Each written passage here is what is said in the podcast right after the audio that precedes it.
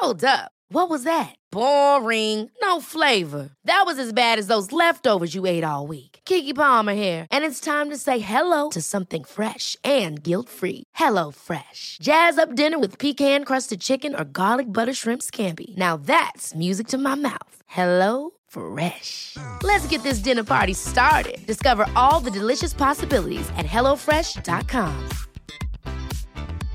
Everyone knows therapy is great for solving problems, but getting therapy has its own problems too, like finding the right therapist, fitting into their schedule, and of course, the cost. Well, BetterHelp can solve those problems. It's totally online and built around your schedule. It's surprisingly affordable too. Connect with a credentialed therapist by phone, video, or online chat, all from the comfort of your home. Visit betterhelp.com to learn more and save 10% on your first month. That's BetterHelp H E L P. Since 2013, Bombas has donated over 100 million socks, underwear, and t shirts to those facing homelessness. If we counted those on air, this ad would last over 1,157 days. But if we counted the time it takes to make a donation possible, it would take just a few clicks. Because every time you make a purchase, Bombas donates an item to someone who needs it. Go to bombas.com slash ACAST and use code ACAST for 20% off your first purchase. That's bombas.com slash ACAST, code ACAST.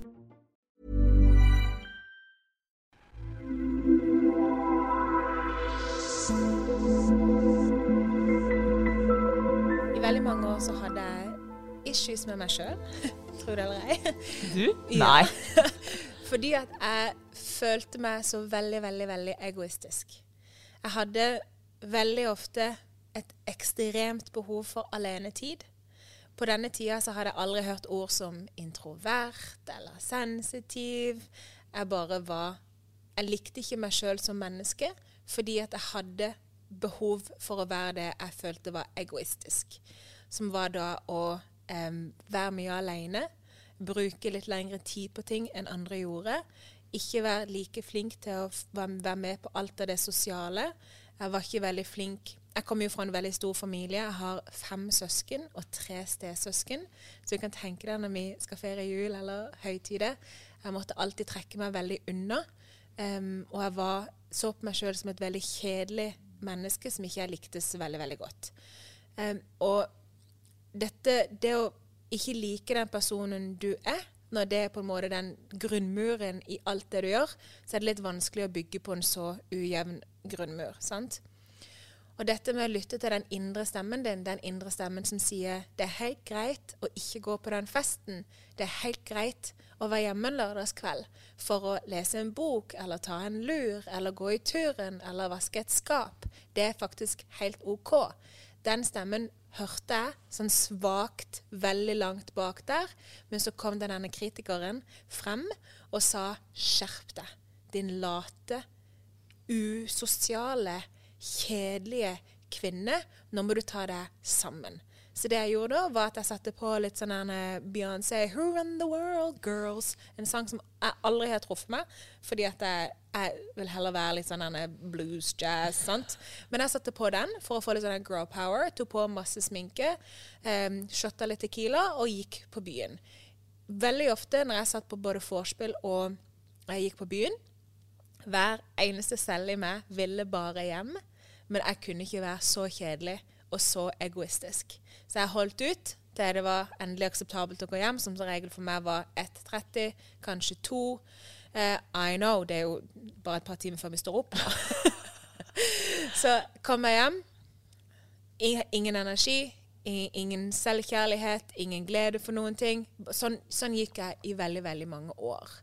Så var det en liten fugl som hviska i mitt øre for noen år siden at du faktisk skal lytte til magefølelsen din. Jeg leste at det er noe som heter dharma, som handler om når du på en måte er i din flow, din purpose, din grunn til å være her. Og jeg ante jo ikke hva søren min grunn var for noe. Eh, For jeg har jo bare sett på uten, eh, faktorer utenifra. sant?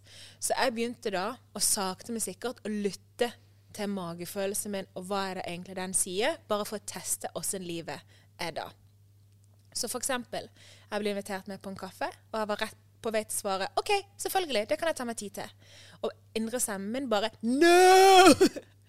Du har lovt deg sjøl du skal gå på tur. Du har lovt deg sjøl å slappe av. Du har lovt deg sjøl så mange ting. Du har ikke tid. I hvert fall ikke akkurat den dagen. Du har så mye annet. Du lovte deg sjøl. Don't do it, don't do it, don't do it.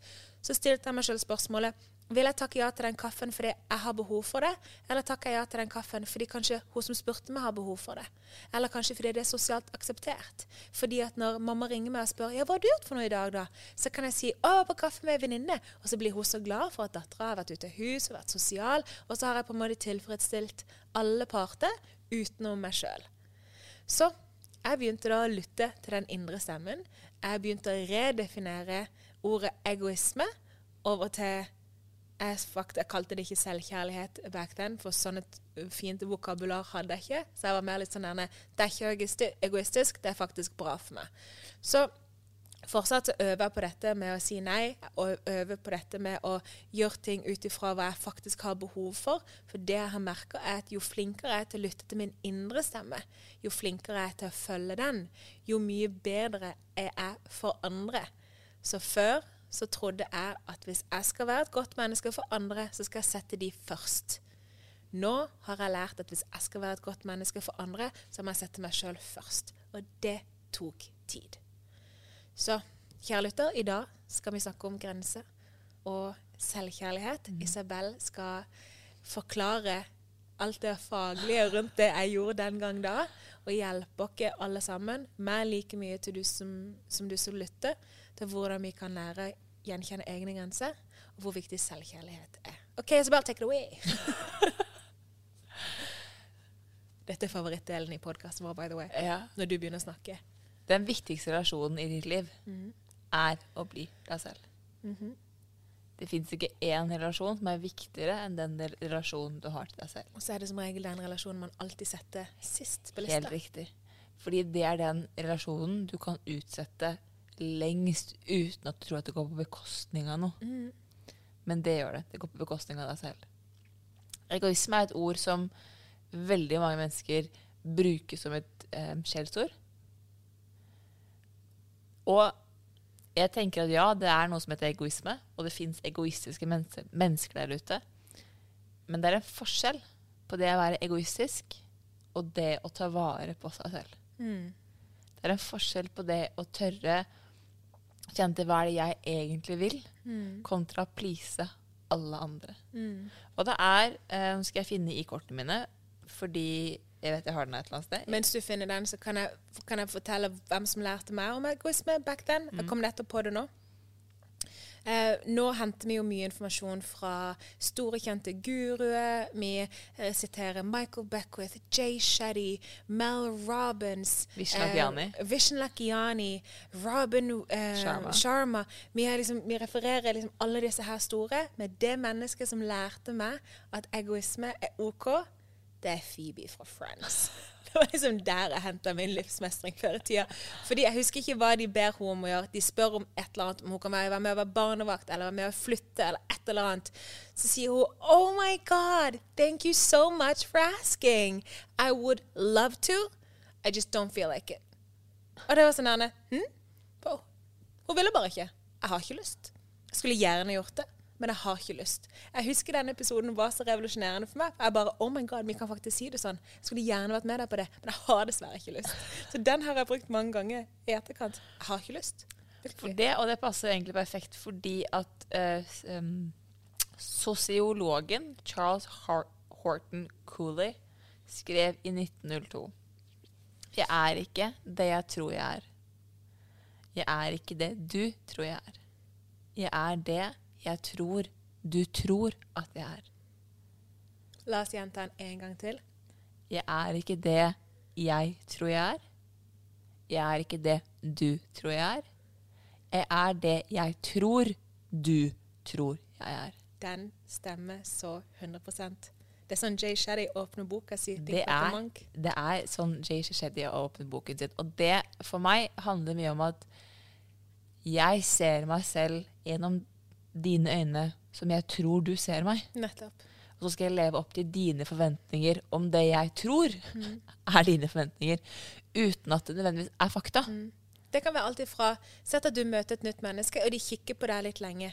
Og du tenker med en gang Oi, der er noe galt. Jeg har, ser jeg stygg ut? Har jeg snørr i nesa? Har jeg, sant? Da er det et eller annet. Med en gang da, så tror du Da baserer du deg sjøl på det du tror at de tror om deg. Ja. Sant? Så kjapt kan man gjøre det. Alltid fra noen som bare ser på det på butikken. Det handler mye om at vi er vant til å gå inn i ulike roller i livene våre. Du er kone. Du er bonusmamma. Du er søster. Du er niese. Du er datter. Tante. Du er tante. Du er businesskvinne. Og du er influenser. Og du er Belinda. Ja, og venninne. Og for Guds skyld. venninne. Altså det er, og podkastpartner, Ja. for å bare slenge den der òg. Du har så mange roller du sjonglerer i løpet av dagen. Så mange hatter. Hatter. Og for veldig mange mennesker så er det klarer man ikke helt å finne ut av balansegangene. Hvem er jeg når? Men hvis du skulle fjernet alle hattene dine, og bare stilt deg selv spørsmålet Hvem er jeg, og hvordan har jeg det egentlig? Ikke hentet inspirasjon eller kraft for at du driver egen bedrift, at du er influenser, at du er kone eller eh, datter, søster. Men rett og slett stilt deg selv spørsmålet Hvem er jeg? Og hvordan har jeg det egentlig? Forventer du at jeg skal svare det nå? For det aner vel ikke jeg. Men dette er jo spørsmål som er med på å gi en form for dialog med deg selv. For du snakket om den indre dialogen. Og når du er veldig opptatt av alle disse hattene som er overalt, så blir du er det veldig lett å glemme den indre stemmen. For da går du, som sosiologen Charles sier La oss bare kalle han Charlie Boy. at du er så opptatt av hva alle andre tror og tenker om deg, at du glemmer hva du tror og tenker om deg selv. Du glemmer å stille deg selv spørsmålet 'Hvordan har jeg det?' Og det, som, det er jo her man skaper selvsikkerhet og selvtillit. For dersom du går inn i en situasjon, og du er super selvsikker, så har du ikke Da er du, da er du bare. Da har du ikke behov for å lure på hva er det egentlig de syns om meg, for dette, du er jo sikker i din sak. Men så fort man ikke har den grunnmuren, så fort man er usikker, så blir man veldig opptatt av hva vi tror de tror du er. Ja. Min største jobb med egenkjærlighet um, er det å, å kjenne at jeg er stabil og trygg i meg selv. Til å kunne stå i hvilken som helst rolle i livet uten å kjenne A på behovet av å søke bekreftelse fra andre, andre mennesker, men også det å tørre å ta meg selv på alvor. Fordi du kan fint stille spørsmålet 'Hvem er jeg?' og 'Hvordan har jeg det?' Men hva gjør du hvis ikke du liker svaret? Det er jo der frykten kommer. Hva gjør du hvis du ikke liker, jobben din, men er redd for endring? Eller tanke på hva skal du gjøre nå? Hva gjør du hvis du ikke er fornøyd med livet ditt, men du vet ikke hvordan livet skulle vært mer? Hva, hva gjør du hvis ikke du liker deg sjøl? Ikke sant? Og dette her er jo der, og da går man automatisk inn i den derre langtidsplanleggingen, altså eh, og hvor det blir så sinnssykt skummelt at du glemmer å være her og nå. Og vi har jo sagt i episodene våre at se for deg hvem du er om tre år, og ta mikroskritt. Det er jo hele vårt, vårt motto er jo liksom små forandringer med høy prioritering. you got it. Men em, når folk kjenner på at stiller, stiller disse store spørsmålene, så tenker de at svaret skal være så ekstremt stort i tillegg. Og hvis svaret er stort, så er det sånn, da holder det ikke med mikroskritt. Da, altså Hvis ikke jeg liker jobben, da må jeg skifte jobb. Da Da må jeg bare drastiske og radikale endringer. Og det er så skummelt. Nei, det trenger du ikke. Du kan rett og slett bare starte med å, å ha en egen dialog med deg selv. Hva er det ved jobben din du ikke liker? Er det noe du selv kan endre? Det å starte med den egen dialogen i seg selv, det er egenkjærlighet. Det å tørre å ta seg selv og sine egne følelser på alvor, det er egenkjærlighet. Men hva hvis du er i, et, i en livssituasjon du ikke liker, i et forhold du ikke liker? In, hva gjør altså de der store tingene der? For jeg tror nok det er mange som har, er litt redde for å gå dit. For hva hvis dette vil føre til noen endringer som du ikke er klar for at skal skje? Skjønner du? Hva med de som Jeg har jo Selvfølgelig man treffer mange mennesker i løpet av sitt liv. Og jeg har jo sett mange av de som gjerne har stått gjerne i en, i en livssituasjon med du har, liksom, du har alt på stell. Du har huset, jobben, mannen eller partneren, familien, kidsen. Alt på stell. Og de, det er sånn ja, men har du det greit? Og så er svaret som regel der tør ikke jeg å gå, for jeg er redd for svaret. For jeg er redd for at det svaret vil føre til noen endringer som jeg ikke kan stå for enda. Mm. At det føles for skummelt og for stort. For ei, mange, altså Skilsmisseraten i Norge er jo på nesten 50 er ikke det? Så hva med de store tingene der? For det ene lille spørsmålet der, hvem er du egentlig, og hvem, hvordan har du det egentlig? Det kan jo føre til radikale endringer. Det første du må tenke på, og det første vi har sagt i podkasten hele veien, er aksept. Mm. Du må tørre å akseptere at jeg ikke har det bra. Mm. Og veldig mange mennesker er redd for at det kan komme enorme endringer.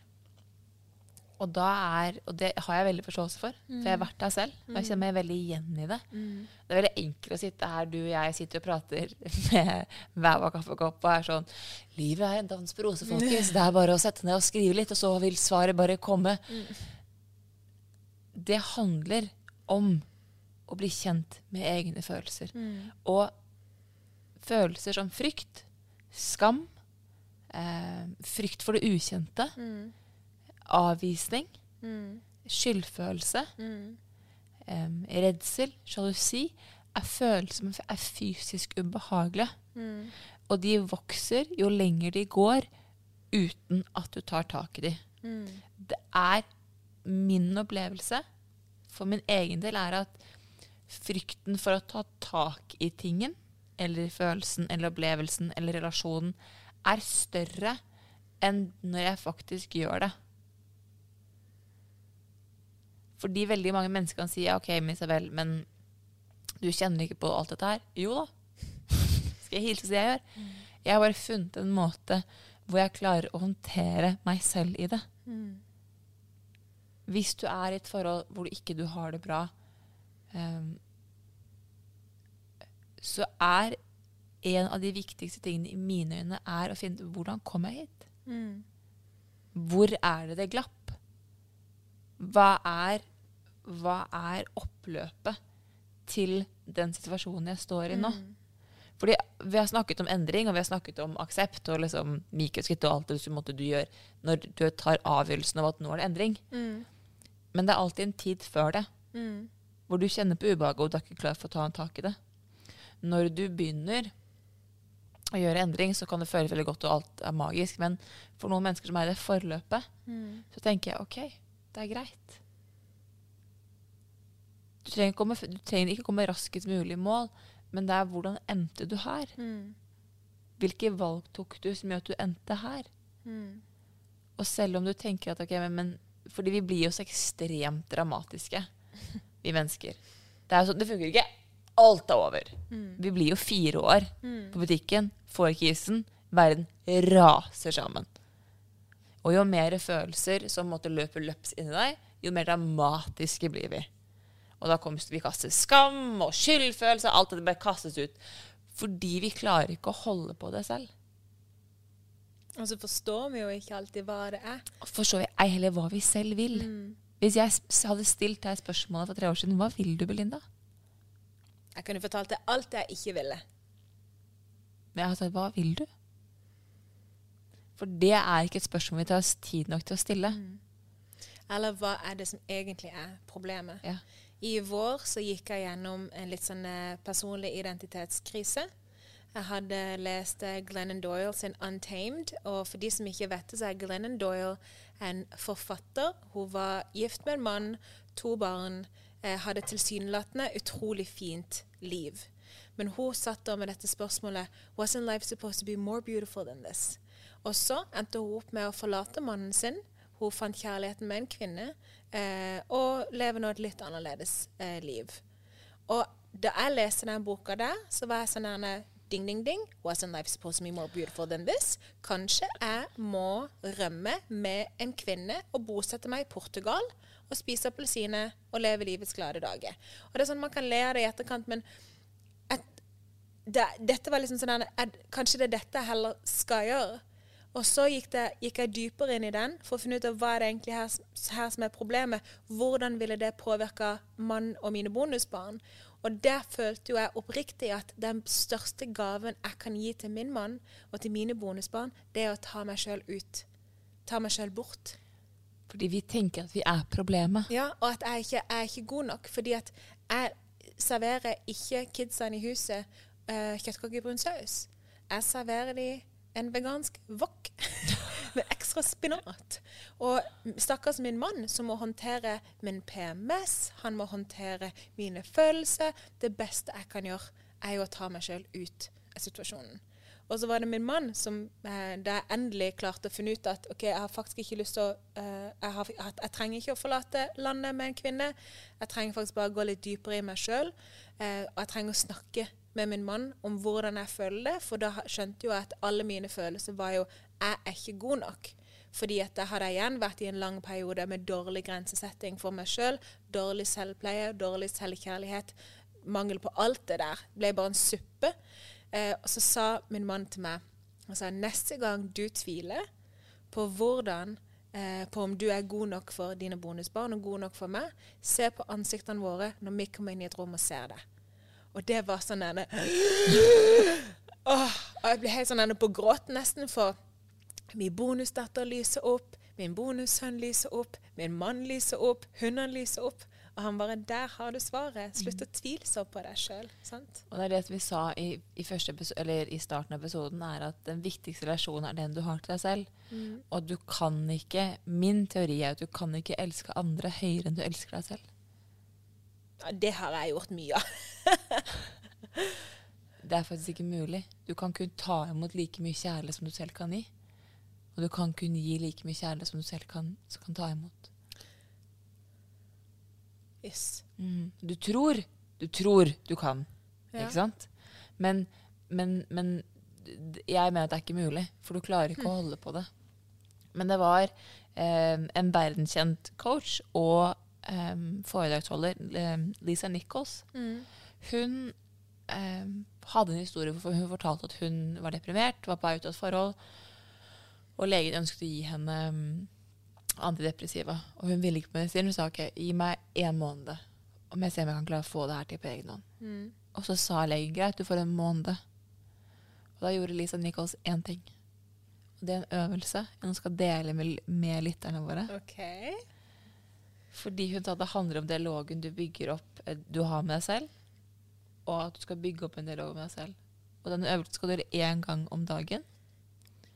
Hvis du ønsker å skrive dette ned, så ta frem penn og papir eller notatene på telefonen din. La oss gi dem et lite sekund, så de kan hente opp telefonen. Nå har de, Kanskje de har lyttet til oss på telefonen, kanskje de ser oss på YouTube. Hei, ta opp telefonen. Kan du få notatet. Kanskje du allerede har en mappe som heter 'Becoming'. Mm -hmm. Og så kick away. OK. Så skal du se deg selv inn i speilet. Så skal du finne syv ting du er stolt av. Syv ting du ønsker å gi slipp på og syv ting du forplikter deg til. Og hvis syv er for mye, så kutt ned til tre. Det trenger ikke å være store ting. Det handler om å begynne å anerkjenne seg selv. Så skal du si til deg selv Jeg er stolt av meg for. Jeg tilgir meg selv for. Jeg velger å forplikte meg til. Eksempler er Jeg er stolt av meg selv fordi jeg sto opp tidlig i dag. Jeg er stolt av meg selv som turte å si ifra til den jenta eller gutten på barneskolen. Jeg er stolt av meg selv for at jeg, turt, for at jeg gikk den turen i helgen. Jeg tilgir meg selv for de negative tingene jeg sa til meg selv som liten. Jeg tilgir meg selv for den kommentaren jeg sa til en venn da jeg var sint. Jeg tilgir meg selv for jeg ikke føler meg god nok. Jeg velger å forplikte meg til å bli flinke til å rydde. Jeg velger å forplikte meg til å drikke mer vann. Jeg velger å forplikte meg til å stå opp fem minutter før hver dag. Jeg velger å forplikte meg til å gjøre dette i 21 dager. Og det du sier her, kan endre seg med tanke på dagsform. Husk at hjernen bruker 21 dager på å akseptere en ny tanke. Så tør jeg forplikte deg selv til dette i minst 21 dager. Og så kan mange tenke sånn Isabel, det er det dummeste du sagt, å si selv, det til meg selv i speilet. Men det er enormt intimt å stå og se deg selv inn i speilet og si Isabel, jeg tilgir meg selv for Jeg velger å gi slipp på. Jeg velger å forplikte meg selv til. Der skaper du en intim altså Det kan være en begynnelse på en intim og dyp relasjon med deg selv. Min tante, som jeg er veldig glad i mine tanter, eh, og de har eh, gjort at jeg har tatt en veldig stolthet i det å være tante sjøl. Eh, spesielt hun ene. Veldig varm og myk, det er alle, da. Men hun ene eh, gikk i mange år, eller jeg vet faktisk ikke hvor lenge. Jeg vet at hun gikk i terapi, og at hun eh, måtte gå mot et speil og si fine ting til seg sjøl og at dette var veldig veldig vanskelig i den perioden. Og da hun lærte det, så endra livet hennes seg. Så det har satt meg og fortalte det til meg i mine tidligere tenår. Um, og det satte seg så vanvittig i meg. Så for noen år siden så Faktisk ikke noen år siden, dette var i 2020. 2019. 2019 da jeg eh, begynte min personlige livsreise livsreisereise. Livsmestringsreise. Din egen becoming, som du kaller det. Jeg begynte min egen becoming. I 2019-2020 så hadde jeg, så lenge jeg kan huske, en greie med at da jeg kom ut av dusjen, så snudde jeg ryggen til speilet mens jeg tok på meg morgenkåpe eller håndkle før jeg kunne forsiktig snu meg mot speilet igjen. For jeg var så livredd for å få et glimt av min egen kropp i speilet. Dersom jeg fikk glimt av den i et vindu eller i det lille gjenskinnet som dusjen gir, så kunne det ødelegge dag, uke, måned for meg. Jeg var hjemsøkt av mitt eget speilbilde. Og den type selvhat er ganske destruktiv. um, vi leide et hus. På det huset så var det eh, garderobe langs den ene veggen på soverommet. Og den garderoben var kun speil. Så det som skjedde, var jo at da jeg sto opp og ut av senga på morgenen, så det første jeg så, det var jo meg sjøl i et speilbilde. Så jeg lærte jo til meg Jeg passa på å ta den sida av senga hvor jeg kunne stå opp og kikke mot en vegg. Jeg gjorde alt det jeg kunne for å unngå å se meg sjøl i speilet. Så husker jeg på alt dette her tante hadde sagt om å kunne se seg sjøl i speilet og si fine ting. Og jeg bestemte meg for å ta tak i hvordan jeg følte om min egen kropp. Jeg hadde ikke lyst lenger til å være så livredd for å se min egen kropp. Så jeg begynte å se, jeg begynte å sove naken. Bytta sida på senga med min mann. Han var jo superhappy på dette her, forresten. Eh, God damn, girl. Eh, han syntes jo jeg var verdens fineste. Første gang han så meg naken, så sa han at jeg så ut som jeg var photoshoppa. Hæ? Tenker en sånn Altså, du ser ut som du photoshopper. Og det er jo livredd Uansett. Uansett. Så jeg da Sorry. Jeg begynte å se meg sjøl i speilet.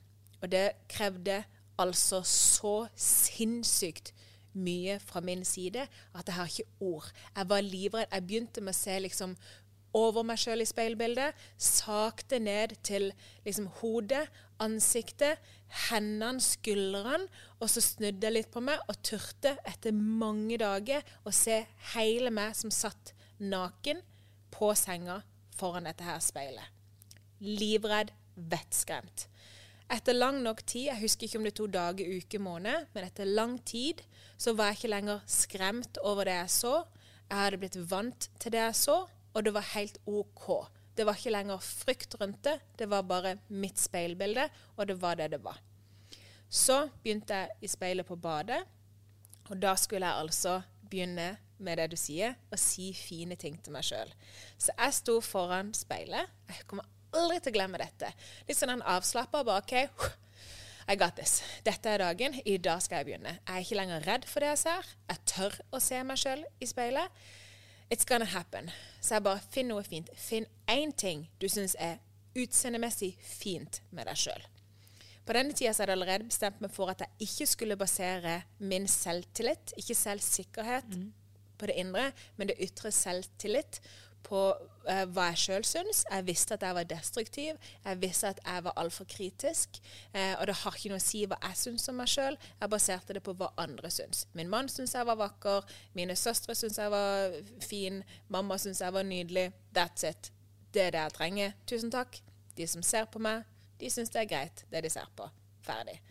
Så jeg sto da foran dette speilet og kikka, og jeg fant ingenting. Det var ikke en centimeter på min kropp som jeg syntes var pen, så jeg endte på albuene. Jeg bare Vet du hva? Så sto jeg og holdt opp albuene litt sånn foran speilet. Jeg bare Jeg har ingen negative tanker om mine albuer. De er ikke så tørre. De er helt OK. Så jeg begynte da i speilet bare Belinda, du har fine albuer. Du har fine albuer, Belinda. Dette er fint. Du har fine albuer.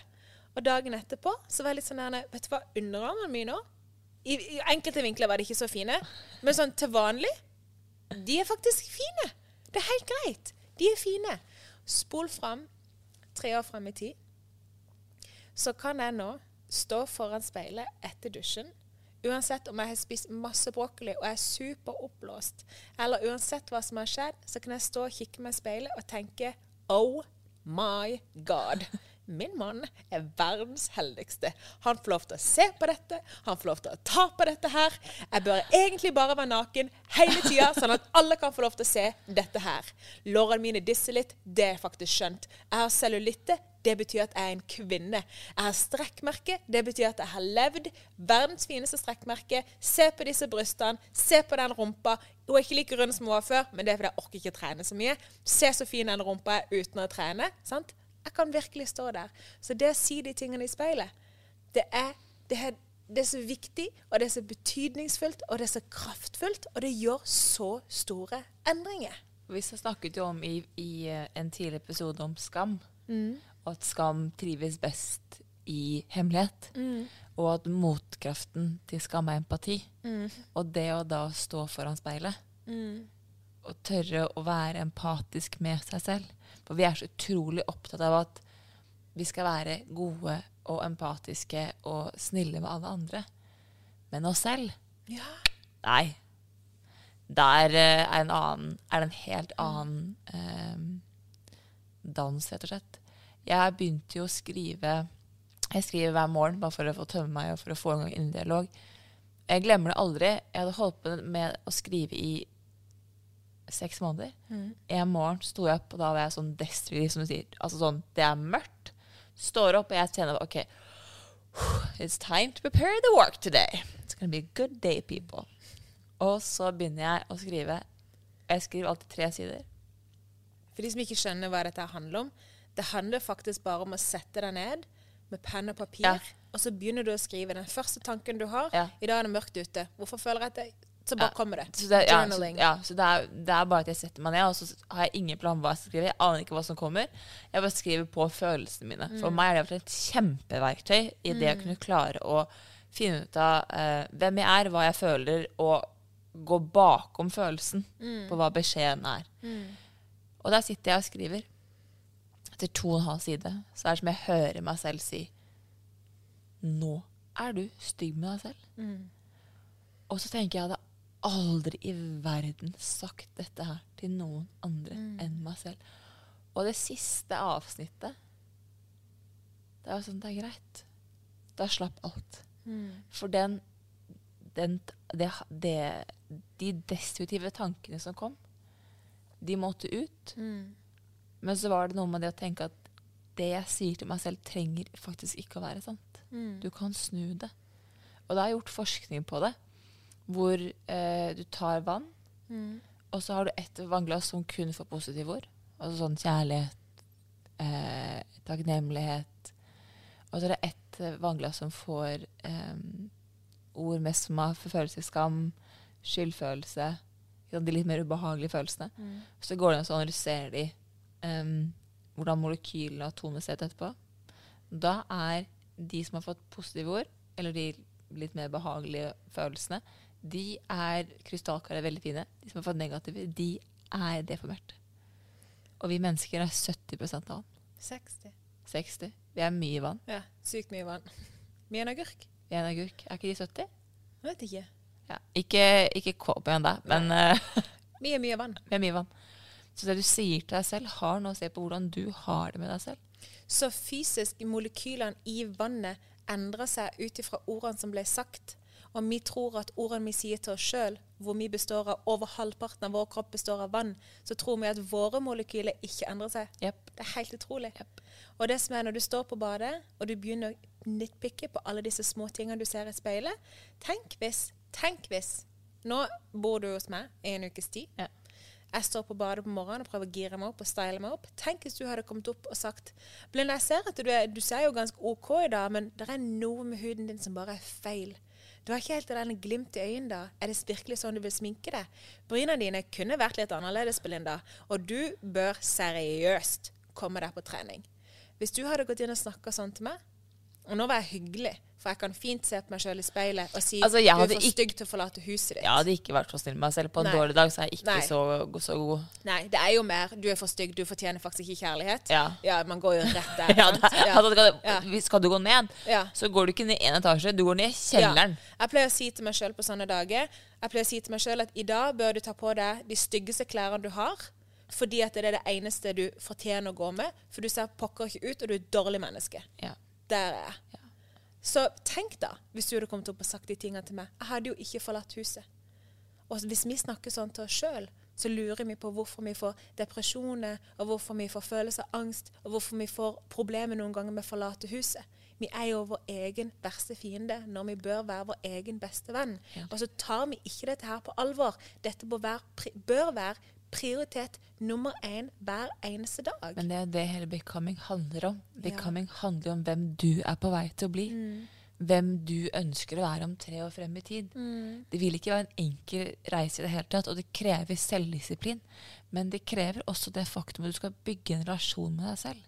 Og hvis du har oversett deg selv i lang tid, så er det vondt å starte på nytt igjen. Altså, nå kan vi dra den en liten parallell her. Hvis du glemmer en plante, ikke at, du, at ikke at du glemmer en plante, men hvis du forsømmer en plante, så vil den til slutt dø. Det er ikke spørsmål, det er et fakta. Og det er litt det samme med vår egen relasjon med oss selv. Den vil til slutt bli at den vil dø. Og jo mer næring den får, jo mer vil den leve. Og de menneskene som er mest inspirerende, med mest mot, som jeg på en måte tenker sånn Wow! Baby, you got it. De er jo mennesker som tør å være ærlig med seg selv om seg selv. Som tør å jobbe med følelsene sine. Som er modig nok til å være sårbar. Og som lever et, et autentisk liv. De er ikke perfekte. For perfekt er en annen måte å skjule skammen sin bak. Det er ikke noe som heter Det er ikke det. Eh, og de er gode på å unngå å sammenligne selv, for de ser gaven de har. Men de har bygget opp en relasjon med seg selv. Den, eh, som, den øvelsen eller, som hadde blitt gjort med vann og positive og negative ord, den har jo Harvard gjort med plante. Ikea, jeg husker ikke hvilket land det var, de gjorde det faktisk med plante. Hvor de plasserer samme plante, samme, samme omgivelse, alt, i to forskjellige bur. Og så skal du da, de ene skal få positive, oppløftende ord, de andre skal få negative. De som fikk negative, de døde.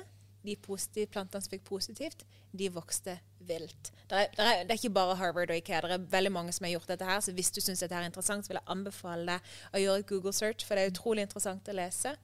Men um, Søren, jeg hadde et kjempepoeng her, Isabel. Ja, Du kommer helt sikkert på det igjen. Håper det. Ja, det. Dette skjer ofte i livet. Ja, jeg vet det. Ja. Ja. Okay. Men det som er at egenkjærlighet går også hånd i hånd med selvrespekt. Mm. Jo mer du respekterer deg selv, um, jo mer klarer du også måte å sette av tid til deg selv. Fordi, og det er der vi skal komme inn og snakke om et det å sette grenser, og et bestemt um, nei, og et verdifullt ja. Jeg kom nettopp på, Ja, før vi går over på grense, ja. kan jeg si Vær så god. Da jeg leste den, uh, det, det som Harvard har gjort med planter for første gang for noen år siden, da bestemte jeg meg sjøl for å teste i én uke og kun si positive ting. Så jeg skulle trene hjernen min til ikke spytte ut alt negativ piss han har å si, både til andre og til meg sjøl, for å endre fokus. Så de første dagene sa jeg svært lite. Fordi da meg og min mann kjørte bil, og han kjørte feil retning, så hadde jeg lyst til å si Men herregud da, Janko. Er det så veldig vanskelig å bare følge kartet? Jeg sa ingenting. For jeg, ikke, jeg hadde ikke lært opp til å være positiv ennå, så jeg bare I'm not gonna say anything. Når jeg fikk eh, kommentarer på at eh, maten jeg hadde laga, ikke var så god av eh, noen som var inne på huset vårt, jeg bare OK. altså, jeg sa ingenting hvis ikke det var positivt. Etter noen dager så måtte jeg lære å se til det positive i, det, i forskjellige situasjoner. Som f.eks. et klassebilde av et eh, familiemedlem i, eh, i, i min familie. Et klassebilde var ekstremt uh, dårlig. Eh, jeg kunne ikke si det, for jeg var jo på denne testen. Så det jeg klarte å se etter, det var typisk det som skjulte seg bak den. Som jeg kan se at det mennesket der har hatt det veldig gøy den dagen. Så det som var etter ei uke, hvor du kun skal si noe hvis det har en positiv innvirkning, så begynte du å se ting annerledes. Du går inn i situasjoner annerledes. Og folk syns det er mye gøyere å være rundt deg. Så jeg vil bare anbefale det Og som du lytter syns det er mye morsommere å være rundt deg selv. Alt er jo bare veldig gøy, for du kan gå inn i situasjonen, og du kan se på det negative. Du kan komme inn i dette rommet som vi sitter i nå, og bare Fy søren, her var det kaldt. Sant? Eller fy søren, her var det mye. Eller eh, å, rot med alle ledningene. Eller du kan gå inn og si wow, kule stoler. Sant? Altså, det er to Wow, kule damer. kule damer, ja. Der er, du kan endre Ja, men den øvelsen der, én uke, kun si noe dersom det er positivt. Det er faktisk veldig gøy. Min svigerinne gjorde det samme. Hun sa til meg på dag fire har du fortsatt ikke sagt noen ting. Hun hadde bare sittet. Så det, er, det kan være veldig utfordrende, men da blir du også obs på hvor utrolig mye negativt du tenker, og hvor utrolig mye negativt du sier. Ja.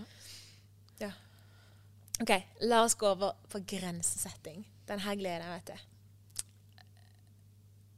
Jeg har opplevd, opplevd at veldig mange mennesker ikke For det første vet hva de skal si ja til. Mm. Jeg, jeg, heller vet hvordan de skal si nei. Fordi de tenker at grensesetting på lik linje med egoisme er en dårlig ting. Og så var det vår gode venn Michael Back with. Backward som lærte meg om et verdifullt ja og et bestemt nei. Okay. Og han sa at et bestemt nei betyr at du sier ja til noe annet. Eksempel. Eksempel. Du og jeg Jeg ringer deg og sier Belinda, har du lyst til å møte meg i kveld? Du sier nei til meg fordi du har lyst til å være hjemme og lese bok. OK, så et bestemt nei ja. et- Et bestemt nei sier ja til noe annet. Et verdifullt ja betyr forpliktelser. Da sier du at du skal være fullt og helt til stede. Wow. Og vi Så ikke si ja bare for å gi deg noe. si ja si fordi- ja fordi at jeg faktisk ønsker Jeg det. ønsker å være til stede. Jeg ønsker å være fullt og helt her. Og det er Vi har snakket om becoming. Hvem er du på vei til å bli? Se for deg tre år frem i tid. Hvis du kan forsøke at alt du sier ja til, er en forpliktelse til hun tre år frem i tid, eller han tre år, tre år frem i tid, Oh, wow. og alle nei-ene du sier, det er ja til deg om tre år. Tenk hvis avgjørelsene ble tatt på det bakgrunnen der. Det er jo helt det er Et verdifullt ja, det kan jo gå fra det derre Vil du være med på den kaffen? Greit. Ja. Tipp topp. Yes. Vi ses. Jeg vet ikke hvor mange ganger i mitt liv jeg har hatt den, den type ja. Greit. Det kan vi gjøre. Fint. Torsdag klokka to. OK. Let's do it. La oss bare få det overstått, er det jeg tenker. Ja. Motsetning til Oi, det vil jeg veldig gjerne være med på. Jeg gleder meg. Ja.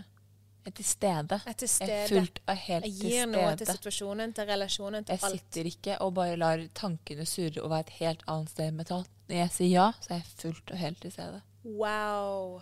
Dette. Når jeg sier nei, Mm. da sier jeg ja til noe annet. Og vi har snakket om egenkjærlighet Mm. og grensesetting. Hvis du sier Du sa Phoebe sa eh, det høres veldig bra ut, men jeg har faktisk ikke lyst. Mm. Phoebe sier da hennes nei er et ja til seg selv. Mm. Min mann har, eh, Hvis jeg har tatt fri fra jobb, hvis jeg har vært veldig mye, så har min mann alltid sagt til meg Vær bevisst på hvordan du tilbringer tida di hjemme. Og i lang tid så var jeg litt sånn nærme Fuck you. Sant? Jeg kan bring- tilbringe tida mi akkurat sånn som jeg vil tilbringe tida mi. Men det han ofte så, var at fordi at jeg har sånn resultatbasert kjærlighet, Jeg kan tillate andre å elske meg hvis de har en veldig god grunn til det. Hvis jeg har gjort noe for det. Så hvis jeg da skulle ha en dag hjemme for å Og slappe du, av og du lurer på hvorfor jeg sier at du kan ta imot mer kjærlighet enn Ja, du har gitt deg selv. Så bare ding, ding, ding, ding. ding, ding, ding. Ja, men da kan jeg f.eks. finne ut at istedenfor å slappe av, lese bok, meditere, whatever, så kan jeg da eh, sortere kjøkkenet eller kjøre på søpla, eller jeg må liksom gjøre noe som du fysisk kan se. Så etter hvert som han ble flinkere på kommunikasjon, så sa han da at jeg vil at du skal bruke tida di mer på deg sjøl. Du må nødt til å slappe av. Så kunne han begynne å ringe meg hvis jeg var hjemme en dag. Han bare 'Hva gjør du?' Så sier jeg ingenting. Så sier han 'Så bra. Jeg er stolt av deg. Fortsett med akkurat det. Grensesetting. Jeg sier nei til jobb for å si ja til meg sjøl. Før sa jeg nei til jobb for å finne en annen måte å bli utslitt på. Sant? Det handler om det vi snakket om i går, om, ikke i går, men i episode, tidligere episoder, om grenses, eller om forbruk. Det handler om, eh, om forbruk, hva du vil bruke tiden din på. Det handler om hvem er du på vei til å bli. Det å tørre å kjede seg. Um, og det å si nei til noe som ikke gir deg noe, er en mulighet til å si ja til noe annet. Og det er jo der vi er veldig dårlige ofte, for vi sier nei. Ja. Men det, altså, det her krever trening. Dette er ikke noe som skjer over natten. Det, jeg er ikke blitt ekspert på det. Jeg har verdens beste femåring som nabo. Han, helt, han lærer meg veldig med følelser og livet generelt. Jeg hadde han i bilen her for et par uker siden og sa Isabel, jeg tror jeg kommer til å bli ekspert på det her når jeg blir stor. Sa han det? Ekspert på hva? Kjøre bil. Å ja. Han var sikker på at han ville bli ekspert på å kjøre bil. Han var, på, han var ganske sikker på at han ville bli ekspert på ganske mye når han ble stor. Ja. Det var ikke noe tvil. Og så tenkte jeg at det tror jeg du kommer til å bli. Men den tanken der, jeg tror jeg kommer til å bli ekspert på det. Å, så deilig. Ja. Han har så veldig tillit, veldig tiltro til seg selv. Tenkte jeg, Tenk om vi kunne si det om egen becoming. Mm. Jeg kommer til å bli ekspert på min egen prosess. Ekspert på å sette, på å sette grenser. Ekspert på å være til stede for meg selv. Wow. Ja, Det, det, det er goals. Ja. Jeg er ikke der ennå. I går så hadde jeg eh, Det å gå fra Netflix, rask underholdning, over til bøker, det var vanskelig for meg. Jeg har lest i hele mitt liv, men i voksen alder så ble jeg grepen av kjapp underholdning. Hjernen min ville ikke lese. Jeg fikk ikke med meg noen ting. Jeg kunne lese samme side fem ganger. Jeg visste ikke hva som sto der. Øynene gikk over ordene, men ingenting gav mening. Sant? Så jeg bare OK, jeg må trene hjernen min opp igjen. Så jeg begynte jo å lese bare sånn fire setninger om ganger. Sant? Og bare OK, jeg skal få med meg dette her. Videre til neste. Dritbra. I går kveld så Pluss jeg leste det for deg igjen i dag morges. I går kveld så leste jeg en side i en bok som var så sterkt for meg at jeg begynte å gråte. Og jeg begynte å gråte når jeg leste det for deg igjen dagen etterpå. Kunne tenke deg, fordi at jeg sa nei til TV, så sa jeg ja til bøker. I begynnelsen så var det veldig vanskelig. Jeg måtte trene. Det har tatt meg over et år. Men nå er jeg der. Så den dama for ett år siden, høsten 2020, som sa nei, jeg skal begynne å fokusere på bøker. Det føltes så lite der og da. Jeg fikk det ikke til. Men jeg gjorde det for at jeg i dag kan begynne å grine. Mikroskritt der, vet du. Mikrosteg. Små justeringer med høy forandring. Åh, det er veldig gøy. Ja. Jay Shetty har et veldig fint spørsmål om det å tilbringe tid med andre mennesker. Så igjen, kjære lytter, hvis du vil, så ta frem penn og papir eller notatene på telefonen, og skriv ned dette spørsmålet. Føler jeg at jeg kommer nærmere den jeg ønsker å være? Eller motsatt, når jeg tilbringer tid sammen med dette mennesket eller denne gruppen? Wow. La meg si det en gang til. Føler jeg at jeg kommer nærmere den jeg ønsker å være? Den personen du ønsker å være om tre år, med andre ord? Eller motsatt, når jeg tilbringer tid sammen med dette mennesket eller denne gruppen? Det er ganske powerful. Og det kan jo tas inn i forskjellige aktiviteter og situasjoner, og egentlig alt. Er som poteten kan brukes i alt. Ja. Det er Kommer jeg nærmere den personen jeg ønsker å være ved å se på TV? Ja eller nei? Eller motsatt. Jeg er ekstremt sensitiv for, eh, eh, for vold eh, og for skumle filmer og alt som hadde krim. Jeg blir, jeg blir, dår- altså, jeg blir fysisk dårlig. Jeg elsker den. Ja. Rush. Ja, nei, det er altså sånn det er, ja. Skal jeg se det, så må jeg først spo, spole frem til slutten for å se det greit. Oh, ja. Og da kan jeg godt, ja, For da har du fjernet eh, sp- eh, spenningen rundt det. Det er greit Mm. for meg. Men jeg føler at det funker ikke for meg. Det går, gjør at jeg går i motsatt retning til den jeg ønsker å være. Vet du, jeg var jo den som kunne se typiske eh, Hva heter den? American Horror Story eller The Haunting of Hill House. Det var jo sånn jeg så på på, på, på sengekanten og var Wow. sånn her, Fett! Jeg får- Så jeg er så vant til å være den. Men så tok jeg jo denne handlingen, bevisste handlingen for et år siden. Si nei til krim, eller si nei til horror. For å heller fokusere på bøker og lære meg å lese igjen. Og så har i det siste Jeg er jo blitt immun nå. Det er jo sånn jeg alltid tror. Jeg blir alltid immun for alt. Jeg tror at når jeg er frisk og fin og Ja, ja. Altså, jeg tror alltid Alltid at jeg er immun. Jeg har blitt immun for sukker, jeg har blitt immun for pizza, jeg har blitt immun mot alkohol, nikotin. Immun for alt. Jeg trodde I den perioden jeg sigga, så trodde jeg at jeg var en av de få i verden som var immun mot nikotinavhengighet. Hæ? Jeg trodde på det. Uansett. Så siden jeg var immun, eh, så nå nylig, bare forrige uke, så var det så sykt mange som tipsa meg om Kastanjemannen, en sånn ny krimserie, dansk tror jeg det, på Netflix. Så jeg var litt sånn OK, jeg har jo lagt krim på hylla, men siden jeg er immun, I'm gonna give it a go. Jeg tror jeg så to minutter før jeg var så fysisk uvel. Jeg orka ikke se flere døde folk. At jeg var helt sånn ah, ah, jeg skal inn og snakke litt med vår venn Michael Beckwith. Og heller lære litt om livet og quantum. Ja. Ja. For det er jo altså, det er et resultat av det vi ser på, Mm. av det vi tenker, av det vi leser, av det vi studerer. Og eh, den viktigste relasjonen i ditt liv er deg selv. Mm. Så det er hva ønsker du å gi deg selv? Når du står opp om morgenen, hva ønsker du å gi deg selv Mm. i dag? Og hvis du har mye, eh, mye tid, mange, mange mennesker som krever med deg, det trenger ikke å ta så mye tid. Mm. Dette er forpliktelse. Det å gi ett ja til seg selv, et verdifullt ja til seg selv i løpet av dagen, det kan være nok til å starte med dine små mikroskritt. Nettopp. Så du som lytter, eller du som ser på oss her i dag, etter denne episoden, så håper jeg at du vil finne ut at hvilke grenser du må være flinkere til å sette for deg sjøl. På hvilke områder du skal pleie selvkjærlighet. Vi håper at du tar deg sjøl på alvor. Vi vil minne deg, selv, minne deg på at hele den reisen, det er din og det er din alene. Trenger ikke dele den med noen. Ingen trenger å være enig med den. Det er bare du. Eh, og meg og Isabel. tusen takk for lytta, eller tusen takk for at du så på, og så ses vi igjen eh, øyeblikk. Ja. Ha det.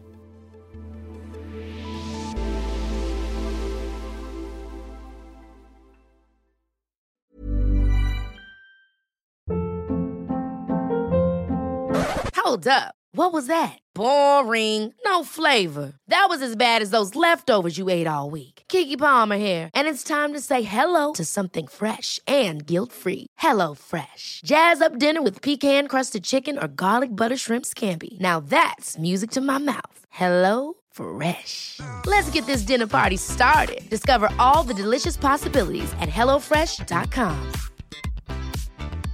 Even when we're on a budget, we still deserve nice things. Quince is a place to scoop up stunning high-end goods for 50 to 80% less than similar brands. They have buttery soft cashmere sweaters starting at $50, luxurious Italian leather bags, and so much more. Plus, Quince only works with factories that use safe, ethical, and responsible manufacturing. Get the high-end goods you'll love without the high price tag with Quince. Go to quince.com slash style for free shipping and 365-day returns. Mom deserves the best, and there's no better place to shop for Mother's Day than Whole Foods Market. They're your destination for unbeatable savings, from premium gifts to show-stopping flowers and irresistible desserts. Start by saving 33% with Prime on all body care and candles. Then get a 15-stem bunch of tulips for just $9.99 each with Prime. Round out Mom's menu with festive rosé, irresistible berry chantilly cake, and more special treats. Come celebrate Mother's Day at Whole Foods Market. Imagine the softest sheets you've ever felt. Now imagine them getting even softer over time. That's what you'll feel with Bowl and Branch's organic cotton sheets. In a recent customer survey, 96% replied that Bowl and Branch sheets get softer with every wash. Start getting your best night's sleep in these sheets that get softer and softer for years to come. Try their sheets with a 30-night guarantee. Plus, get 15% off your first order at bowlandbranch.com. Code BUTTERY. Exclusions apply. See site for details.